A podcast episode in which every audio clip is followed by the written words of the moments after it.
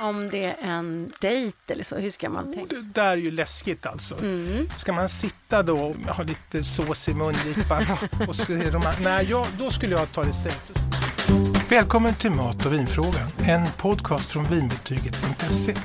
Och välkommen Elisabeth som är här med nya frågor. Tack Stefan. Det här avsnittet ser jag verkligen fram emot. För att eh, frågan som vi kommer ta upp idag kan jag definitivt känna igen mig i. Det är nämligen Lotta som har frågan. Hur kan jag undvika stressig matlagning? Jag är nämligen helt slut när gästerna kommer. Wow, det där är en bra och ganska stor fråga om matlagning, men jag gillar det. Ja, jag tänkte att du skulle gilla den också för du har ju skrivit kokboken Kockarnas knep. Kan inte du berätta lite om den och även ditt matlagningsintresse? Mm. Jag kom ju egentligen från matlagningen in i vinets värld och det började med att jag klurade på hur gör kockar och då handlar det inte om recept utan handlar mer om hur man tänker, hur man planerar i köket. Så jag intervjuade kockar och satte ihop det här plus lite egna erfarenheter i en bok som då heter Kockarnas knep.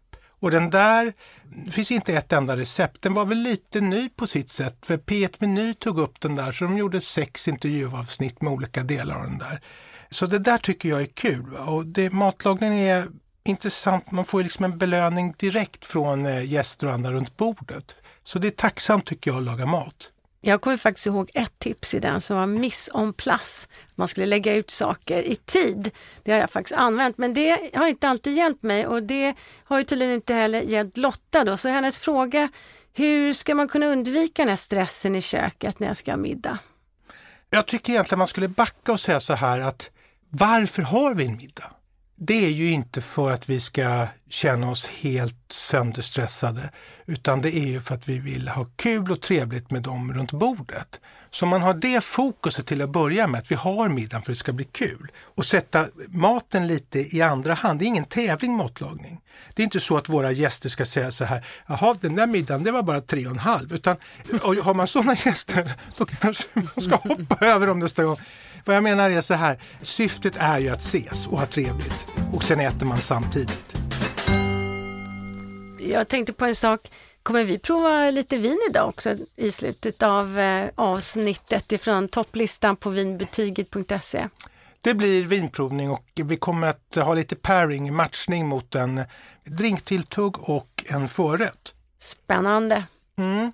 Tillbaka då till det här med eh, när det är stressigt. Det är ju många saker när man ska ha en middag. Det är ju inte bara själva matlagningen. Det kan ju stå en och en halv timme i ett recept, men det är så mycket annat. Vi ska handla både mat och dryck. Har man ett hem som kanske ser ut som att det är fantastiskt, det skulle kunna vara en, en sån här bostadsannons där på det finns inte ett papper framme. Eller har man ett, ett hem där det ligger lite saker som man lever i då har man ju en del att plocka och fixa. Och vad har man hemma för övrigt? Har man servetter? Har man värmeljus och allt det här? Så det är ju en helhet som man måste fundera på att det inte bara handlar om själva det som sker vid spisen. Eh, och sen är det så tycker jag att, och då har jag lagat mat, eh, rätt mycket mat, men det tar nästan alltid längre tid än vad jag trott. Mm. Tiden är knepig. Vi säger att du ska ha gäster klockan sju och så kommer du hem klockan fem och så börjar du laga. Och då vet du, du har bara två timmar på dig. Och den där tiden, den kan du liksom inte stretcha. Va? Jag, jag lägger till en timme här kan du inte mm, tänka. För klock, klockan 19 så plingar det på dörren. Mm. Och, och, tiden krymper. va? Om man inte smsar och säger hej, eh, kom lite senare, det gör inget om ni inte kommer i tid. Ja men det här är gäster som du är lite rädd för. Mm. mm de törs, det törs du inte skriva till dem. Finns det något riktigt bra tips? Hur ska jag bemästra tiden? Ja, framförallt så tycker jag allt behöver inte göras samma dag som man har middagen. Utan man, vissa saker går utmärkt att göra dagarna innan eller dagen innan. Och jag brukar göra två listor och det är inget nytt med listor. Den här Albert Einstein som anses vara vår tids stora tänkare och matematiker. Han gjorde listor för han ville inte belasta sin enorma hjärna med saker att komma ihåg dem utan han höll på med formler istället. Och då brukar jag göra en lista som heter Dagarna före. Och det handlar om att handla, om jag kanske måste fixa någonting hemma, vad det nu kan vara för någonting. Och handla är ju många saker. Det är ju både mat, dryck, eh, från kanske olika ställen och vissa saker kanske man måste handla samma dag. Man vill mm. köpa fisken pinfärsk eller vad det är. Och sen finns det en annan lista då, som heter då, den är liksom matlagningslistan. Det är den dagen och på den listan ska det egentligen bara finnas matlagningssekvensen och möjligtvis att det står duscha och byt om på den.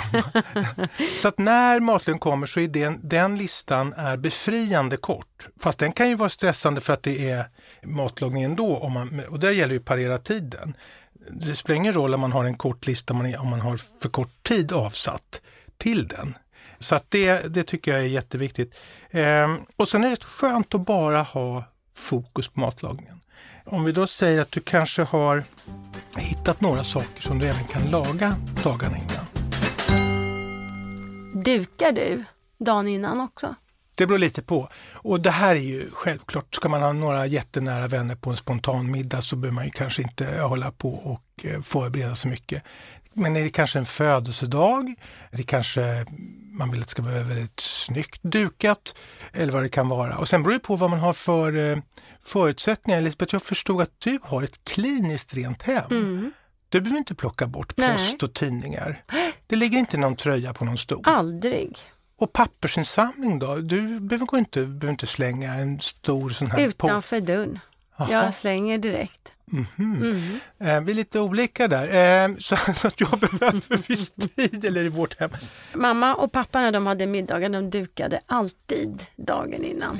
Ja, men jag tycker det är klokt. Mm, det ska jag börja med också. Det är ett bra tips. Mm. Men hur ska man tänka kring valet av maträtter? Där är ju naturligtvis, vad är det för gäster som kommer? ambitionsnivån sätter man ju lite efter det. Är det några nya eh, vänner som man kanske inte känner så väl, då får man ju liksom en annan tanke. Är det familj med olika generationer, då kanske man väljer eh, en viss typ av maträtter. Men man har själv makten här att välja rätter som gör att man inte hamnar i en stressad situation. Att säga att det måste vara tre rätter, Alltså en förrätt, mm. en varm, en efterrätt, det tycker jag är att ta i många gånger. Mm. Eh, så där så gäller det att vara noggrann i valet. Till exempel om vi säger att du kan göra en efterrätt dagen innan eller en förrätt eller någonting annat. Mm. Då är det momentet borta.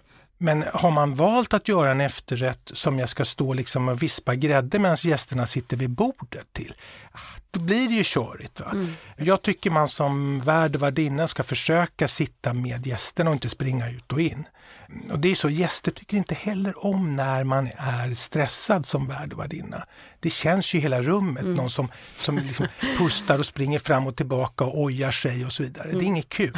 eh, och så tycker man inte det är något kul att höra att någon har haft en jävlig dag i mataffären, man tappar en vinflaska på system. Det kan man ta till kaffet när middagen är lyckad, men man kan liksom inte sätta den stämningen runt bordet. Belasta de som är där. Laga det du kan och det du gillar att laga. Eh, ge dig inte ut på äventyr. Jag var borta på en middag eh, där någon hade hittat ett recept ur någon Damernas Värld eller någonting och så hur lagar man det här nu då? Stefan kommer! Och så skulle jag, och jag, alla hade druckit vin och pratat jättemycket runt omkring och där stod jag och tittade på receptet och förstod inte någonting. Jag, inga, jag, jag kände inte igen knappt några av ingredienserna. Det var oerhört stressande. Mm. Och sen så fick vi väl till den där middagen någorlunda. Och då frågade jag så har du aldrig lagat det? Nej, och det, så skulle jag inte göra. Mm. Jag ger mig inte, ska jag ha gäster så är det rätter som jag kan och behärskar. Och det är ju, för vad, om det, annars så infinner sig en oro. Hur ska det här bli? Blir det mm. gott? Mm. Så tänker man ju om man aldrig har lagat innan. Det är alltid viktigt, men om det är en kärleksträff, en dejt eller så, hur ska man tänka då? Oh, det där är ju läskigt alltså. Mm. Ska man sitta då och vara lite, ha lite sås i mungipan? och, och de nej, jag, då skulle jag ta det safe. Då skulle jag gå till hembageriet och köpa lite kanelbullar och bjuda på kaffe och te. Eh, och så börja prata istället och försöka lära känna varandra. Jag skulle inte försöka laga något avancerat, det tror jag inte om man vill förenkla en middag till gäster som jag känner så här.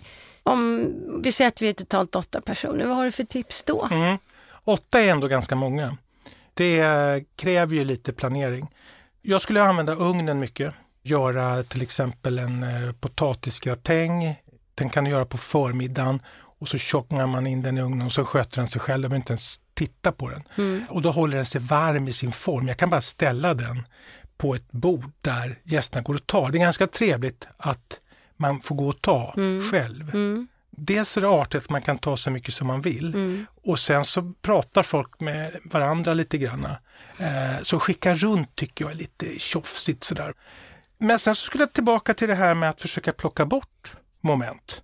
Vi kommer till en, och då ska Kristoffer vara försökskanin här också. Det blir alltså en, alltså du tar drinktilltugget och förrätten och då måste ju det vara ganska matigt om det ska fungera. Så hoppar man över förrätten. Mm. Och sen så tycker jag ju att, en, vi säger att du har druckit ett rött vin till middagen och sen så tar du och fortsätter med det vinet och en ost. Mm. Då har du ju löst det ganska bra. Mm. Kan någon vara bussig och öppna en flaska vin till och här är osten. Eh, och så är det klart. Är du så är det jättenära vänner och det är en sån kväll, kaffe och god choklad går ju också som efterrätt. Mm. Eller jag är ju lite glassfreak och det behöver man ju inte laga. Så det kan man ju eh, också bjuda på. Mm. Om jag vill förenkla själva matlagningen, vad har du för tips där? Ja, du var ju faktiskt på någonting där i början när du nämnde det här franska uttrycket mise en place. Eh, och det är utmärkt, det är franska översatt ungefär allt på plats. Mm.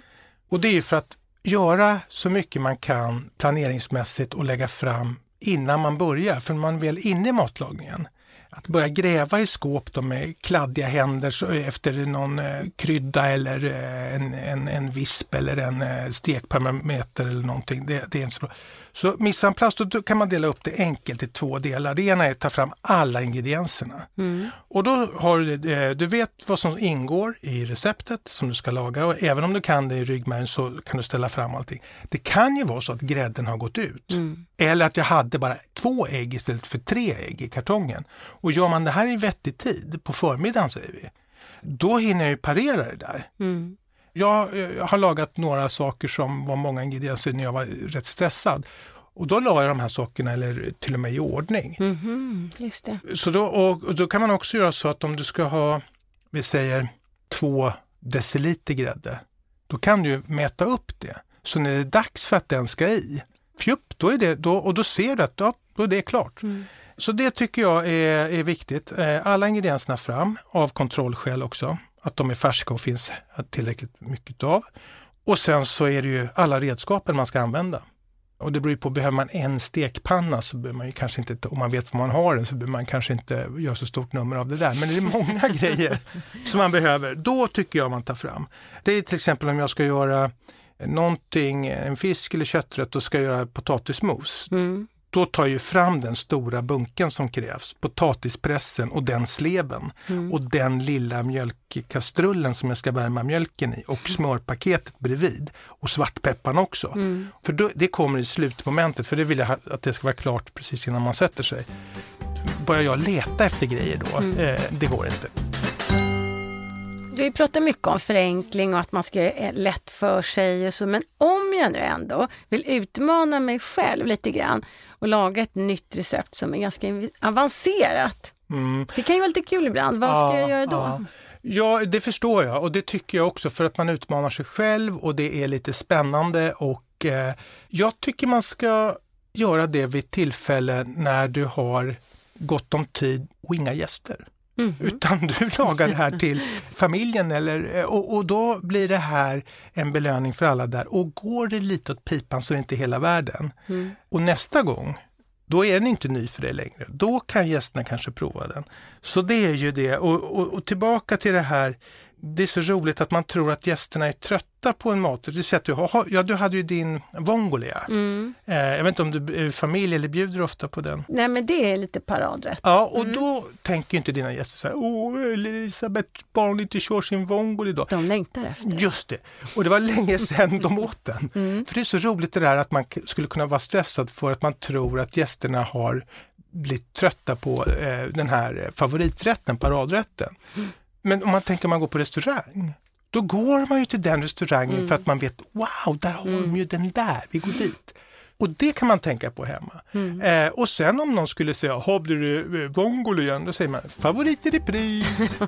Då räddar man läget där också. Så, då har vi kommit till din summering, Stefan. Mm. Så här tror jag man undviker en stressig middag. Men börja egentligen med att tänka på att Du har middagen för att dina gäster ska tycka att det är trevligt och kul. Och man vill känna sig välkommen. Få en drink i handen direkt när man kommer inom dörren. Och välj din middagstid.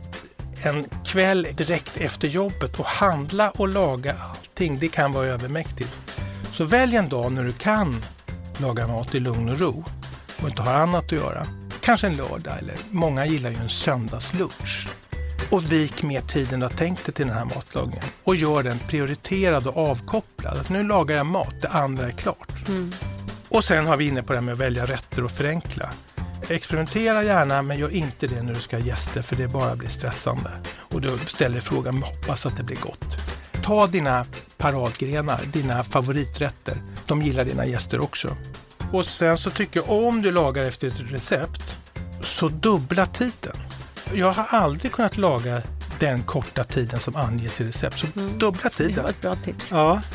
Och så försök att slå ihop eh, om du kan. Eh, göra efterrätter i förväg eh, dagen innan. Och så har vi de här eh, Albert Einsteins fiffiga listor. Det här man kan göra före middagsdagen. Eh, handla, duka, plocka vad det nu är för någonting. Köpa blommor, eh, ja, värmeljus och allt det här. Och sen har vi matlagningsdagen och då lagar vi bara mat och så byter vi om. Och när vi är inne i matlagningsdelen då försöker vi förenkla genom att köra mise en place. Alla ingredienserna fram, gärna i rätt ordning. Kolla att eh, äggen är tillräckligt många, att grädden är färsk och sen så fram med redskapen. Och om du får tid över, vi säger det, gästerna kommer om tre kvart. Se det som en gåva. Sätt på lite musik, se det i spegeln. Det här ska bli trevligt. Smutta lite på vinet. Och sen var det en annan eh, tips att inte äta när man är på dejt utan ta en bulle. Stopp ja. nej, men den, nej men den var ju en tramsgrej, det är nästan